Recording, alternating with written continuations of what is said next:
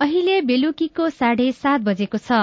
सामुदायिक सूचना नेटवर्क सीआईएनबाट अब प्रसारण हुँदैछ साझा खबर।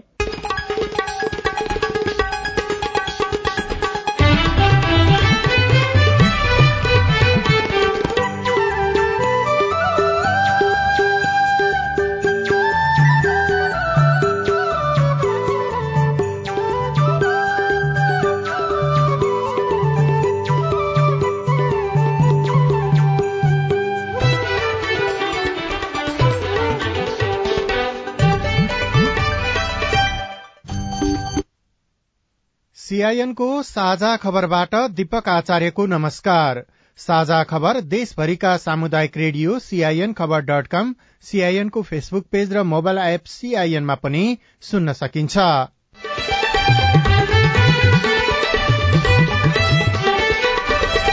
काठमाण्डुको बालाजुमा यातायात मजदूर र प्रहरी बीच झडप नौजना प्रहरी सहित चालिस भन्दा बढ़ी घाइते। भोलिदेखि काठमाण्डुमा सार्वजनिक यातायात नचलाउने व्यवसायीको घोषणा सहमतिको प्रयास भने जारी। होइन पक्ष विपक्ष भन्दा नि हामी त्यही बैठकमा चाहिँ अहिले म यो विषयमा केही बोल्दिनँ तपाईँको कुराकानी हामी गर्दैछौँ। राष्ट्रिय स्वतन्त्र पार्टी तत्काल सरकारमा नजाने सोह्रजना केन्द्रीय सदस्य थपिए पार्टी एकता र समाजवादी मोर्चा निर्माण गर्ने प्रधानमन्त्री प्रचण्डको दावी अर्थतन्त्र सुधार गर्न सकिने सरकारको प्रयास।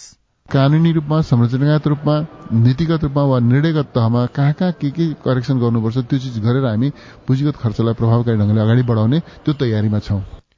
देशभर विभिन्न कार्यक्रम गरी विश्व रेडियो दिवस मनाइयो। सामुदायिक रेडियोलाई तल पार्ने गरी कानून नबनाउने अर्थमन्त्री पौडेलको प्रतिबद्धता विश्वसनीय सूचनाका लागि रेडियो सुन्ने श्रोता भने बढ़दै घटनाहरूको बारेमा जानकारी पाएको र अब यसो गर्नु हुँदो रहेनछ भन्ने कुराहरू पनि सन्देशमूलक जानकारीहरू पाएको मैले पाएको छु। र एक दिवसीय वरियता कायम राख्न नामिबिया र स्कटल्याण्डसँगको श्रृंखला नेपालका लागि महत्वपूर्ण पहिलो खेलमा नेपालले भोलि नामिबियासँग खेल्दै।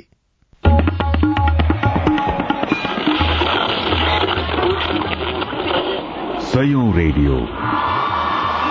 हजारौं रेडियो कर्मी। र करोड़ौं नेपालीको माझमा यो हो सामुदायिक सूचना नेटवर्क सीआईएन अहिले भ्रामक र गलत सूचनाको विश्वव्यापी विरोध छ। सामाजिक सञ्जालको बढ़दो प्रयोग र सस्तो लोकप्रियता र कमाईका लागि गरिने गतिविधिले पनि संचार माध्यमको विश्वास घट्दै गएको छ। यस्तो अवस्थामा स्थानीय रेडियोले जनताकै सहभागितामा जनताकै सवाल र आवाज प्रत्यक्ष प्रस्तुत गरेर विश्वासिलो रूपमा प्रस्तुत हुनुपर्दछ। आम श्रोताले पनि रेडियोलाई सुझाव दिएर आफ्ना सवाल रेडियोबाट प्रसारण गराउन सहयोग गर्नुपर्दछ। काठमाडौँको बालाजु क्षेत्रमा प्रहरी र यातायात मजदूर बीच झडप हुँदा नौजना प्रहरी सहित चालिस जना घाइते भएका छन्। घाइते मध्ये दुईजना प्रहरीको अवस्था गम्भीर रहेको छ। एकतीस जना घाइते भएको मजदूर संगठनहरूले बताएका छन्। सरकारले गरेको सहमति पालना नभएको भन्दै आन्दोलनरत यातायात मजदूरले सड़कमा गाड़ी तेर्साएर विरोध गरेपछि झडप भएको हो। झडपका क्रममा आन्दोलनकारीले प्रहरीका दुईवटा भ्यान र अस्थायी प्रहरी बीट जलाएका छन्। यसैबीच यातायात व्यवसायी तथा मजदूरहरूले भोलिदेखि काठमाडौँ उपत्यकामा सार्वजनिक यातायात यातायात नचलाउने बताएका छन्। नेपाल यातायात स्वतन्त्र मजदूर संगठन नेपाल यातायात मजदूर संघ र अखिल नेपाल यातायात मजदूर संघले प्रेस विज्ञप्ति जारी गर्दै आन्दोलनका कार्यक्रम घोषणा गरेका हुन्। तर यसबारे अहिले यातायात व्यवसायीहरूको छलफल चलिरहेको र सहमतिको प्रयास भइरहेको यातायात व्यवसायी सरोज सिटौलाले सीआईएनसँग बताउनुभयो। उपप्रधान तथा अर्थमन्त्री विष्णु पौडेलले नेपालका सामुदायिक रेडियोहरूको समस्या समाधानका लागि कानूनी र व्यवस्थापकीय रूपमा पहल गर्ने प्रतिबद्धता जनाउनु भएको छ। सामुदायिक रेडियोलाई तल पर्ने गरी कुनै पनि ऐन कानून नबनाइने उहाँको भनाइ थियो। बाह्रौं विश्व रेडियो दिवसको अवसरमा युनेस्को अमार्क एसिया पेसिफिक र एन्डिजिनियन एन्डेनेजियस मीडिया नेटवर्कको सहकार्यमा सामुदायिक रेडियो प्रसारक संघ अखोराबले आज ललितपुरमा गरेको कार्यक्रममा अर्थमन्त्री पौडेलले यस्तो बताउनु भएको हो। संविधानसँग बाजिने गरी कानून बनाउन नमिल्ने भन्दै सामुदायिक रेडियोको सन्दर्भमा संघीय अधिकारसँग बाजिने गरी कुनै अभ्यास गर्न नमिल्ने उहाँको भनाइ थियो। संविधानसँग गरी कानून निर्माण हुँदैन हुन सक्दैन। संविधानसँग बाजेको हदसम्म कानून अमान्य हुन्छ। त्यस कारणले संघीय यो अधिकारको प्रयोगका सम्बन्धमा संविधानमा जुन प्रकारको प्रबन्धहरू गरिएको छ अधिकारको बाँडफाँड गरिएको छ त्योसँग संगति मिल्ने गरी संघीय ऐन निर्माण गर्ने सन्दर्भमा पहल गर्ने पनि म यहाँलाई जानकारी दिन चाहन्छु। सामुदायिक रेडियोको भूमिका सशक्त प्रभावकारी हुने गरिकन संविधानसँग संगति मिल्ने गरी कानून निर्माण गर्ने कुरामा जरूर ध्यान दिनेछौ भनेर म राख्न चाहन्छु। रेडियोको उपयोगिता कहिल्यै पनि नसकिनेमा जोड़ दिँदै उहाँले संचार माध्यमका नयाँ स्वरूप विकास भए पनि रेडियोको भविष्य उज्जवल रहेको विचार राख्नुभयो। नेपालका सामुदायिक रेडियोलाई पछि पार्ने नीति नलिएको पनि उहाँले प्रश्न पार्नुभयो। कार्यक्रममा अकुराबका अध्यक्ष अर्जुन गिरीले संघीय ऐन बिना नै रेडियोको इजाजत दिने काम भइरहेकोमा सरकारको ध्यानकर्षण गराउनु भएको थियो।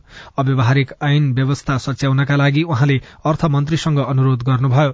समुदायमा भरपर्दो सूचना दिने सामुदायिक रेडियोको संरक्षण गर्ने जिम्मा राज्यको नै भएको उहाँको भनाइ थियो। संविधानले प्रदेश र स्थानीय तहलाई एफएम रेडियो सञ्चालनको मात्र अधिकार दिएको हो तर एफएम रेडियोको इजाजत दिने वा नियमन गर्ने अधिकार होइन तर गलत अभ्यासले अहिले नीतिगत रूपमा चरम भद्र गोलको अवस्था छ। मुलुक संघीय शासन प्रणालीमा गयो सिंहदरबारको अधिकार गाउँ गाउँमा पुग्यो भनेर हामी पुलकित भयौं तर आज संविधानको भावना विपरीत। संघीय ऐन बिना नै केही प्रदेश सरकारहरूले धमाधम एफएम सञ्चालनका लागि इजाजत बाँडिरहेका छन् र नियमनका नाममा एफएम रेडियोको नवीकरण लगायतका सवालमा असाध्यै दुःख दिने काम गरिरहेका छन् र संचार सम्बन्धी संघीय ऐन आउनु अघि प्रयोगमा ल्याइएका यस्ता अव्यवहारिक कानूनले हामीलाई मर्कामा पर्यो। म माननीय उप प्रधानमन्त्रीज्यूको ध्यान आकर्षण गराउन चाहन्छु। इजाजत नवीकरण प्रदेश सरकार समक्ष अनि लाइसेन्स नवीकरण चाहिँ संघीय सरकार समक्ष यो कस्तो नीति हो? एउटै देशमा प्रदेश पिच्छे फरक फरक नीति पक्कै पनि यो आजको यो व्यवस्थामा सुहाउँदो कुरा हुँदै होइन। कार्यक्रममा राष्ट्रिय सभाका उपाध्यक्ष उर्मिला अर्यालले समावेशिताको सिद्धान्त कार्यान्वयन लैंगिक विभेद अन्त्यका लागि रेडियोको भूमिका महत्वपूर्ण रहेको बताउनुभयो। महिलाको सवाल अझै पनि ओझेलमा पर्ने गरेको उल्लेख गर्दै उपाध्यक्ष अर्यालले संघीय ऐनसँग बाझिएको विषय समाधानका लागि सहजीकरण गर्ने प्रतिबद्धता जनाउनुभयो।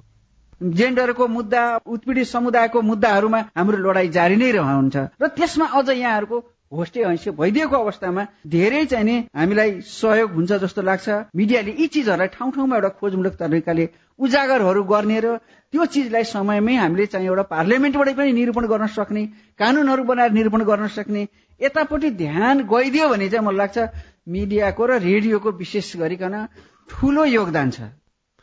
कार्यक्रममा राष्ट्रिय मानवाधिकार आयोगका सदस्य लिली थापाले समाजमा रहेका विकृतिको अन्त्यका लागि रेडियोले धेरै गर्न सक्ने भए पनि त्यो अझै नपुगेको औल्याउनुभयो त्यस्तै सूचना तथा प्रसारण विभागका महानिर्देशक शंकर नेपालले मानव विकास सूचकांकलाई बढ़ाउन सामुदायिक रेडियोको योगदान धेरै रहेको टिप्पणी गर्नुभयो।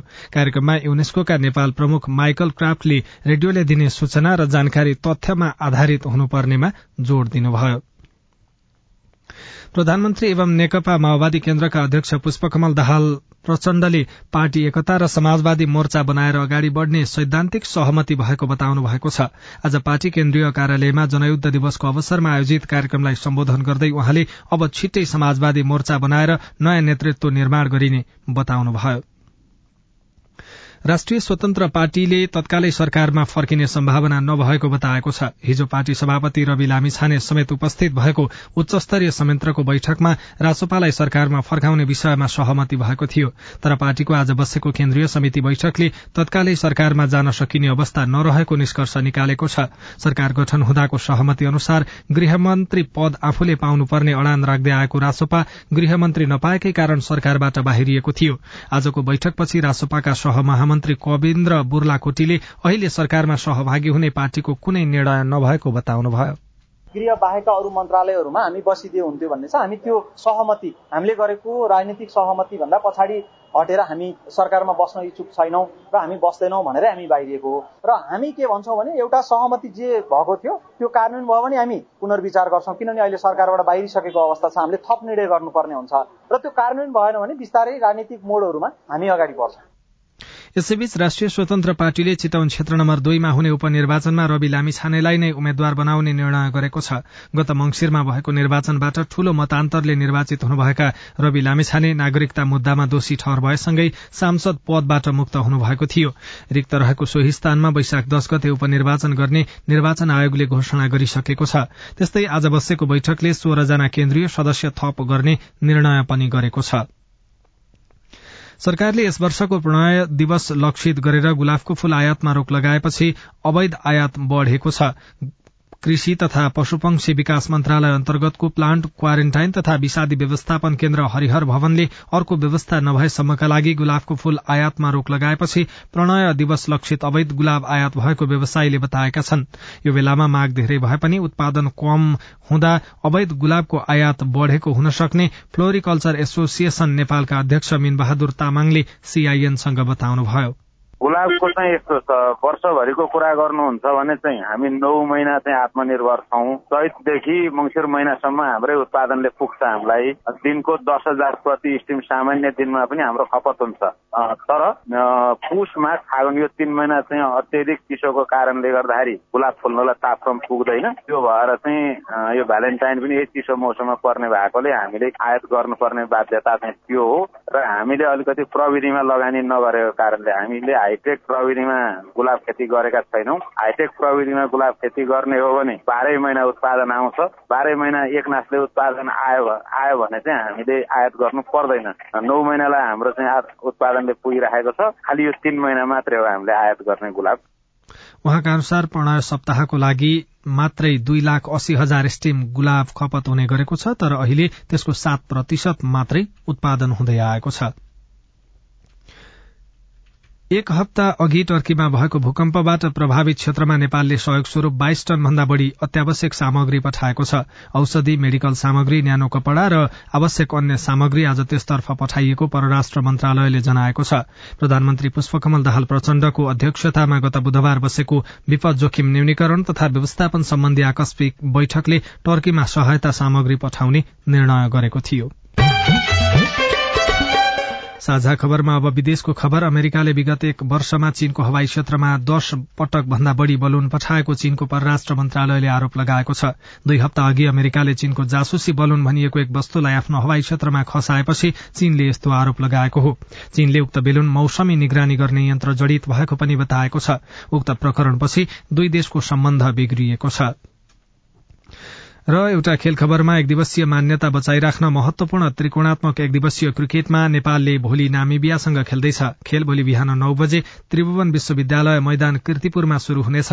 नेपाललाई मान्यता जोगाइराख्न अब खेल्न बाँकी बाह्र मध्ये नौ खेल जित्नुपर्ने दबाव छ। प्रतियोगितामा नेपाल नयाँ मुख्य प्रशिक्षक मोन्टी देसाईको प्रशिक्षणमा खेल्नेछ। प्रतियोगिता नेपालका लागि एकदमै महत्वपूर्ण रहेको नेपालका कप्तान रोहित पौडेलले बताउनुभयो। अविनाश आचार्य।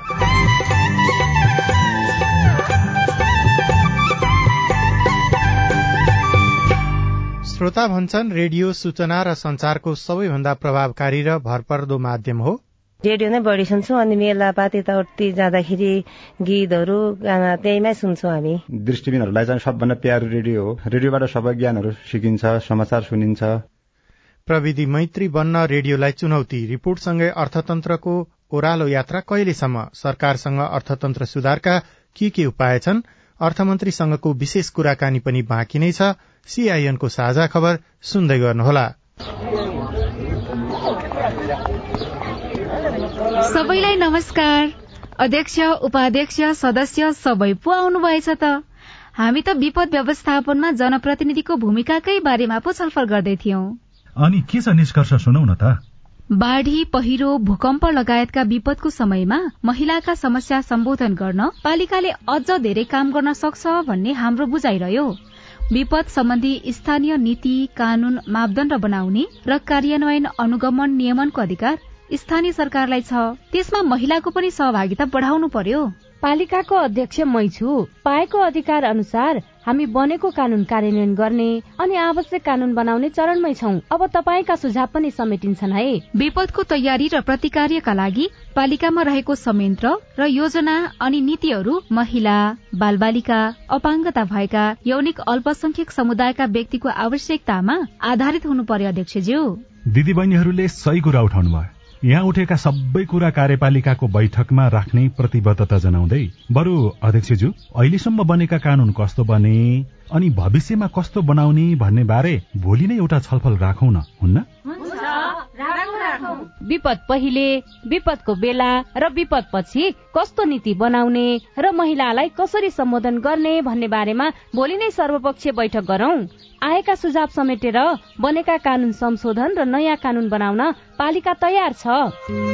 विपद सम्बन्धी कानून निर्माण र कार्यान्वयनमा महिलाको अर्थपूर्ण सहभागिता खोजौं। युएन उमनको सहयोगमा ल्याक र अकोराब नेपाल। सामाजिक रूपान्तरणका लागि यो हो सामुदायिक सूचना नेटवर्क सीआईएन तपाई सामुदायिक सूचना नेटवर्क सीआईएनले काठमाण्डुमा तयार पारेको साझा खबर सुन्दै हुनुहुन्छ। सर्वसाधारण नागरिकको पहुँच र सूचना प्रसारणको विश्वासिलो माध्यमका रूपमा स्थानीय स्तरमा स्थापना भएका एफएम रेडियो लोकप्रिय मात्र होइनन् भरोसाको केन्द्र समेत बनेका छन्। दिनभर भएका विभिन्न घटना स्थानीय सवाल र सूचना घर नजिकैको एफएमबाट सुन्न पाएपछि नागरिकको विश्वास रेडियोप्रति बढ़दै गएको छ। पत्र पत्रिका टेलिभिजन र इन्टरनेटमा आधारित सूचनाको पहुँचमा नभएका गाउँघरका नागरिकका लागि सामुदायिक रेडियो सूचनाको निर्विकल्प माध्यम बनेका छन्। सामुदायिक रेडियो सुख दुःखको साथी बनेको बताउँदै बुढीनन्द नगरपालिका तीनका स्थानीय अम्बिका बोहरा।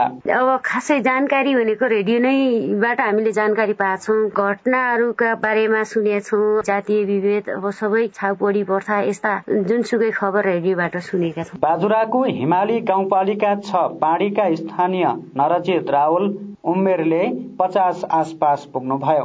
उकाली ओह्राली गर्दा होस् या त गाई बस्तु चराउँदा अनि खेतीपातीको काम गर्दा उहाँको साथी बनेको छ रेडियो। घरमै बसी बसी आफ्नो बिस्तरामा पढी पढी आफ्नो झ्यालमा बसी बसी गाई बाख्रा चलाउने बेला कोदो खाट्ने बेला होइन हलो जोत्ने बेला हामी हलो जोत्दाखेरि पनि खल्टीमा राखेका हुन्छ हामीले मोबाइल अनि बजाएको हुन्छ कानमा एफएम लागेको हुन्छ। रेडियोले समाचार र कार्यक्रम सँगै मनोरञ्जनका लागि गीत समेत प्रसारण गर्दछन्। सूचनामूलक जानकारी सहित गीत सुन्ने र मनोरञ्जन लिनेहरूका लागि पनि रेडियो सारथी बनेको छ। समाजको विकास र सुशासनका लागि समेत रेडियो खबरदारी गर्ने माध्यम बनेको छ। बाजुरामा हालसम्म आठवटा एफएम रेडियो सञ्चालनमा आएका छन्। रेडियो बुढी नन्दाका स्टेशन म्यानेजर नहकुल जोशी एउटा रेडियो मात्र यस्तो निर्विकल्प माध्यम हो जसले जति बेला जुनसुकै परिस्थितिमा जहाँ सुकै जस्तो सुकै अवस्थामा समेत मानिसहरूले सहज रूपमा त्यसमा पहुँच गरेर सूचना मनोरञ्जन आवश्यक पर्ने जानकारी लिन सक्छ त्यसैले रेडियो संसारमा जस्तो सुकै प्रविधिको विकास भए पनि रेडियोलाई कुनै प्रकारको असर पर्दैन भन्ने चाहिँ मलाई लाग्छ। संविधान कानून र ऐनको व्यवस्था अनुसार स्थानीय सरकारको पहलमा पनि रेडियो खोल्ने अभ्यास बढ्दै गएको छ। यस्तो अभ्यासको विरोध एकातर्फ भइरहेको छ भने रेडियोको संख्या घटे पनि गुणस्तर कायममा भने अझै ध्यान दिनु पर्नेमा सरकारवालाहरूले जोड़ दिँदै आएका छन्। Jiwan Kaila CIN radio Budhinanda Golti Bajura. जहाँ सड़क र बिजुली पुगेको छैन त्यहाँ रेडियोको माध्यमबाट सूचना पुगिरहेको छ। नेपालको राजनीतिक परिवर्तन र भौतिक विकासमा पनि रेडियोको खबरदारी उत्तिकै महत्वपूर्ण मानिन्छ। कर्णाली र सुदूरपश्चिमका पहाड़ी क्षेत्रमा अहिले पनि रेडियो सूचना र संचारको निर्विकल्प माध्यम हो। श्रोतालाई तान्ने गरी रेडियो सामग्री बनाउनु अहिले रेडियोका लागि प्रमुख चुनौती हो। तर पनि ग्रामीण भेगमा रेडियो सूचनाको भरपर्दो माध्यम भएकोमा शंका छैन। गाउँघरमा मेलापात घाँसदाउरा गर्दा पनि रेडियो मानिसहरूको सहारा बन्छ। बझाङको छब्बिस पाथिभेरा एक जीवलीका सरोजा कठायत। रेडियो नै बढी सुन्छौँ अनि मेला पात यताउति जाँदाखेरि गीतहरू गाना त्यहीमै सुन्छौँ हामी। नयाँ सूचना र मनोरञ्जनका लागि रेडियो सुन्नेहरू धेरै भेटिन्छन् तर दृष्टिविहीनका लागि रेडियो साथी पनि हो भन्नुहुन्छ पुङ्गल नगरपालिका एघारका रामबहादुर बोहरा। दृष्टिविहीनहरूलाई चाहिँ सबभन्दा प्यारो रेडियो हो। रेडियोबाट सबै ज्ञानहरू सिकिन्छ समाचार सुनिन्छ। गीतहरू सुनिन्छ। नयाँ जानकारी पाएपछि मानिसलाई विचार र धारणा बनाउन सजिलो हुन्छ। अनि रेडियोले खेती किसानी र आमदानीका कुरा पनि गर्छ। प्रविधि र सिपका कुरा सुन्न पाउँदा किसानहरू खुसी हुन्छन्। दुर्गाथली छका शान्ति महत जागरी रेडियो सूचनाको प्रभावकारी माध्यम भएको बताउनुहुन्छ। आज यहाँ यस्तो घटना भएछ यहाँ यसो भयो यस्तो भयो भनेर महिलाहरूले पनि आफ्ना कुराहरू एकअर्कामा सेयर गरेको। अब उनीहरूमा अहिलेको यो संचार माध्यमले एकदमै उनीहरूले तुरुन्तका तुरुन्तै घटनाहरूको बारेमा जानकारी पाएको र अब यसो गर्नु हुँदो रहेनछ भन्ने कुराहरू पनि सन्देशमूलक जानकारीहरू पाएको मैले पाएको छु। स्थानीय स्तरमा सञ्चालित सामुदायिक रेडियो समुदायको सुख दुःखका साथी पनि हुन्। गाउँमा भएका विकास निर्माणका गतिविधि र कार्यक्रमहरू रेडियोबाट सुन्न सुनाउन पाएर स्थानीयहरू दङ्ग पर्छन्। सूचना र संचारमा तल्लो तहका नागरिकको पहुँच बढाउन रेडियोले महत्वपूर्ण भूमिका खेलेको बताउनुहुन्छ। जय पृथ्वी नगरपालिका एघार काप्रीकोटका शिक्षक कृति कल्याण जोशी। हाम्रो सबै ठाउँमा नेट इन्टरनेटको पहुँच पनि पुगेको छैन। त्यसले गर्दाखेरि अब पत्र पत्रिकाहरू पनि पुग्दैन। अब कुन देशमा कस्तो घटना घटिराखेको छ। कुन देशमा कति आर्थिक प्रगति भयो? कुन देशमा हाम्रो देशभन्दा आर्थिक स्थितिमा कमजोरी छ? हामी कुन अवस्थामा छौँ भनेर जानकारी लिनको लागि नै रेडियो सुन्ने गरेका छौँ तीव्र रूपमा विकास भइरहेको सामाजिक सञ्जाल रेडियोका लागि चुनौती बनेका छन्। तर विश्वसनीय सूचना खोज्दै रेडियो सुन्ने श्रोताको संख्या घटेको छैन। Pratap Oli CIN Jay Prithvi FM Bajhang. तपाई सामुदायिक सूचना नेटवर्क सीआईएनले काठमाण्डुमा तयार पारेको साझा खबर सुनिरहनु भएको छ। अर्थतन्त्र सुधारका लागि सरकारको प्रयास के छ? नीतिगत रूपमा वा निर्णयगत तहमा कहाँ कहाँ के के करेक्सन गर्नुपर्छ त्यो चिज गरेर हामी पुँजीगत खर्चलाई प्रभावकारी ढंगले अगाडि बढाउने त्यो तयारीमा छौं। अर्थमन्त्री विष्णु पौडेलसँगको विशेष कुराकानी बाँकी नै छ। सीआईएनको साझा खबर सुन्दै गर्नुहोला। जलवायु परिवर्तनले मानव जीवन र प्राकृतिक प्रणालीमा विश्वव्यापी प्रभाव पारेको छ। आगामी दिनमा यो क्रम अझै बढ्दै जाने अनुमान गरिएको छ। तिम्रो किताबमा पनि जलवायु सम्बन्धी पाठ रहेछ नि होइन छ नि।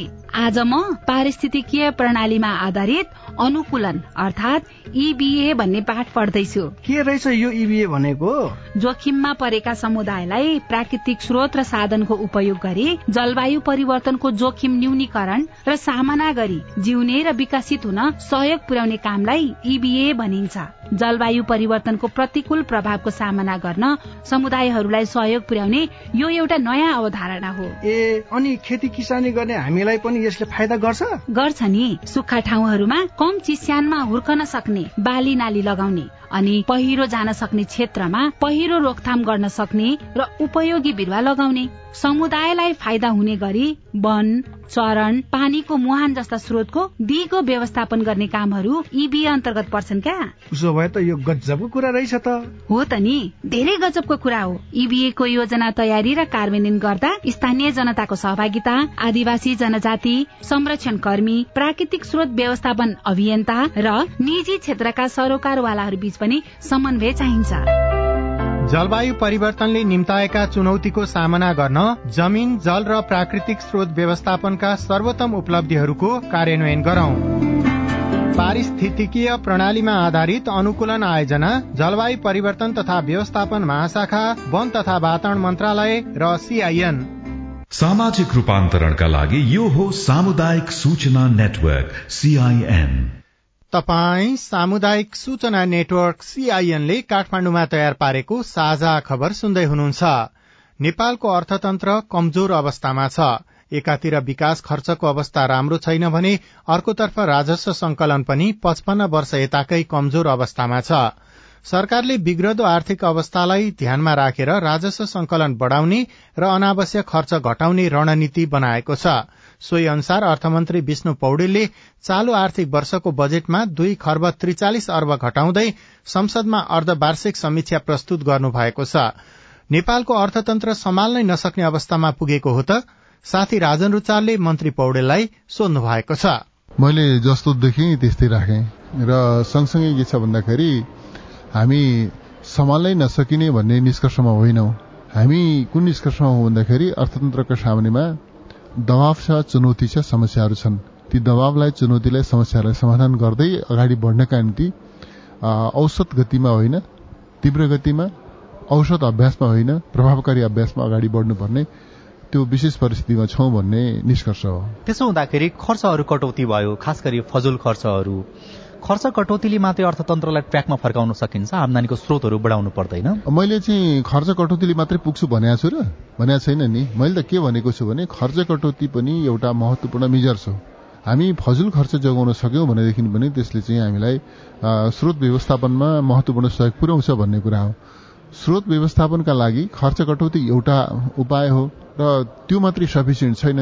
हामीले राजस्व परिचालन स्रोत व्यवस्थापन अन्तर्राष्ट्रिय सहयोग खास गरी वाञ्छित हाम्रा निम्ति अपेक्षित र वाञ्छित प्रकृतिको अन्तर्राष्ट्रिय सहयोग यी सबै कोणमा हामीले प्रभावकारी ढङ्गले काम गर्नुपर्छ। राजस्व परिचालनका सन्दर्भमा समस्या के छन् त्यसको समाधान कसरी गर्ने?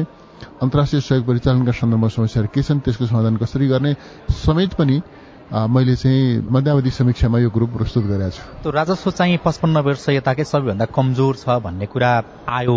त्यो आउँदै गर्दाखेरि यो अघिल्लो सरकारले नै जस अब जस्तो उसैले लिनुपर्छ होला भन्ने होला होइन? कसैलाई दोष दिनका निम्ति मैले काम गरिरहेको छैन। मेरो काम के हो भनेदेखि स्थिति के छ त्यो हेर्ने त्यो बताउने अब के गर्नुपर्छ त्यतातिर ध्यान केन्द्रित गर्ने। मेरो कसैलाई दोष दिने रुचि होइन मेरो त्यो जिम्मेवारी पनि होइन। म चाहिँ विगततिर फर्केर अल्झिएर बस्ने मनस्थितिमा पनि छैन। अब त्यस कारणले मेरो प्रस्तुतिको त्यही रूपमा अर्थ लागोस् भन्ने चाहन्छु सबै तथ्याङ्कले बोलेकै छ हामीले बोलिरहनै परेन। सबै कुराहरू चाहिँ खराब स्थितिमा छन् भन्ने कुरा। त्यसलाई फर्काउनको लागि सही ट्र्याकमा लिएर आउनको लागि चाहिँ के गर्ने हो त तपाईँले? एउटा मात्रै कुरा। मैले भने एउटा मात्रै किन र मैले चाहिँ खास गरिकन राजस्व परिचालनका सन्दर्भमा जुन खालका समस्याहरू देखिए ती समस्याहरूका दुईटा पाटा छन्। एउटा चाहिँ राष्ट्रिय सन्दर्भ छ एउटा अन्तर्राष्ट्रिय सन्दर्भ छ। यो चाहिँ विश्व अर्थतन्त्रको पनि प्रभाव छ हामी कहाँ सँगसँगै हाम्रा आन्तरिक कारणहरू पनि छन्। ती कारणहरूमा प्रवेश गरेर समाधानका निम्ति मैले उपायहरू सुझाएको छु। पहिलो कुरा राजस्व परिचालनको सन्दर्भमा जहाँसम्म खर्च व्यवस्थापनको सन्दर्भमा हामीले चाहिँ यसै त पुँजीगत खर्चका निम्ति हाम्रो विनियोजनको सामर्थ्य नै कमजोर रहँदै आएको छ। साधारण खर्चभन्दा पुँजीको खर्चको चाहिँ आकार सानो हुने गरेको छ। केही समय विगत केही समयदेखि यता। त्यही सानो आकारको पुँजीगत खर्च पनि प्रभावकारी ढङ्गले नहुने जुन समस्या देखा परेको छ यसले हाम्रो विकासको समृद्धिको सामाजिक न्यायको समाजवादको यात्रामा गम्भीर अवरोध सृजना गरेको छ। त्यसले गर्दा मैले भन्ने गरेको छु कानूनी रूपमा संरचनागत रूपमा नीतिगत रूपमा वा निर्णयगत तहमा कहाँ कहाँ के के करेक्सन गर्नुपर्छ त्यो चिज गरेर हामी पुँजीगत खर्चलाई प्रभावकारी ढङ्गले अगाडि बढाउने त्यो तयारीमा छौं। हिजो संसदमा सांसदहरूले पनि कुरा उठाउनु भयो एकातिर खर्च कटौती गर्ने फजुल खर्च घटाउँछु भन्ने अर्कोतर्फ चाहिँ न्यूनतम साझा कार्यक्रम लिएर आएर लोकप्रिय कार्यक्रमहरू पनि सँगसँगै लिएर आउने कसरी तादम्यता मिल्छ भनेर त्यसमा के भन्नुहुन्छ? यो सरकार चाहिँ जनतामा निराशा बाँड्नको लागि चिन्ता बाँड्नको लागि भविष्य अँध्यारो छ भने सन्देश दिनको लागि होइन। यो सरकार किन बनेको हो भनेदेखि जनतामा आशावादिता जगाउनका लागि भविष्य सुन्दर छ उज्यालो छ भन्ने सन्देश दिनका लागि र त्यो उज्यालो भविष्यतर्फ गहकिलो ढंगले पाइला चाल्नका लागि बनेको सरकार हो। त्यस कारणले सरकारले शुरूका दिनमा स्वाभाविक रूपमा यो चाहिँ नीतिगत प्राथमिकता र न्यूनतम कार्यक्रम प्रस्तुत गर्यो। त्यो नीतिगत प्राथमिकता र न्यूनतम कार्यक्रम सरकार यो प्राथमिकताका साथमा यी कार्यक्रम कार्यान्वयन गर्न अगाडि बढ्छ भन्ने त्यसको स्पष्ट अटुट हो संकल्प हो। जहाँसम्म त्यो नीतिगत प्राथमिकता र चाहिँ न्यूनतम कार्यक्रमको कार्यान्वयनको विषय छ हामी हाम्रो आर्थिक सामर्थ्यलाई सबल तुल्याउँदै जान्छौं। प्रभावकारी बनाउँदै जान्छौं र हाम्रो यो कार्यकालमा यो सरकारले आफ्नो कार्यकालमा यी उद्देश्यहरू भेदन गर्छ प्राप्त गर्छ त्यहाँ मुलुकलाई पुर्याउँछ भन्ने त्यसको निष्कर्ष हो। तेस्रो चौमासिकको पहिलो महिनासम्म पुग्दाखेरिसम्म चाहिँ तपाईँले भनेको कुराहरू सही ठाउँमा आइपुग्छन् त्यसको ग्यारेन्टी गर्न सकिन्छ?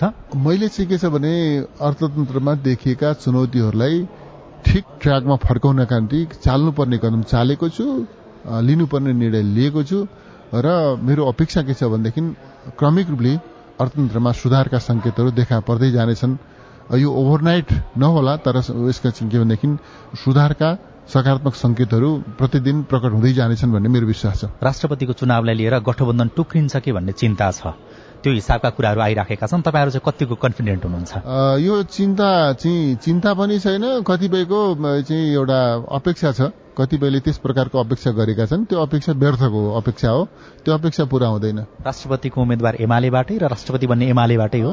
सरकारमा सहयात्रा गरिरहेका राजनीतिक दलहरूका बीचमा एउटा अन्डरस्ट्यान्डिङ छ। त्यही अन्डरस्ट्यान्डिङ अन्तर्गत हुन्छ। दायाँ बायाँ हुँदैन। हुँदैन। अर्थमन्त्री विष्णु पौडेल बिग्रदो आर्थिक अवस्थालाई सुधार्ने प्रयास गर्दै काठमाडौँको बालाजु क्षेत्रमा प्रहरी र यातायात मजदूरबीच झडप हुँदा नौजना प्रहरी सहित चालिसजना घाइते भएका छन्। भोलिदेखि काठमाडौँमा सार्वजनिक यातायात नचलाउने धम्की दिएका यातायात व्यवसायीसँग सहमतिको प्रयास भइरहेको छ। राष्ट्रिय स्वतन्त्र पार्टी तत्काल सरकारमा नजाने भएको छ। पार्टी एकता र समाजवादी मोर्चा निर्माण हुने प्रधानमन्त्री प्रचण्डले दावी गर्नुभएको छ। देशभर विभिन्न कार्यक्रम गरी विश्व रेडियो दिवस मनाइएको छ। सामुदायिक रेडियोलाई तल पार्ने गरी कानून नबन्ने अर्थमन्त्री पौडेलले बताउनु भएको छ र एक दिवसीय वरियता कायम राख्न नेपालले भोलि नामिबियासँग खेल्दैछ। हवस् त आजलाई साझा खबरको समय सकियो। प्राविधिक साथी सुनिल राज भारतलाई धन्यवाद। भोलि फागुन दुई गते बिहान छ बजेको साझा खबरमा फेरि भेटौँला। अहिलेलाई भने म दीपक आचार्य पनि विदा हुन्छु। नमस्कार शुभरात्री।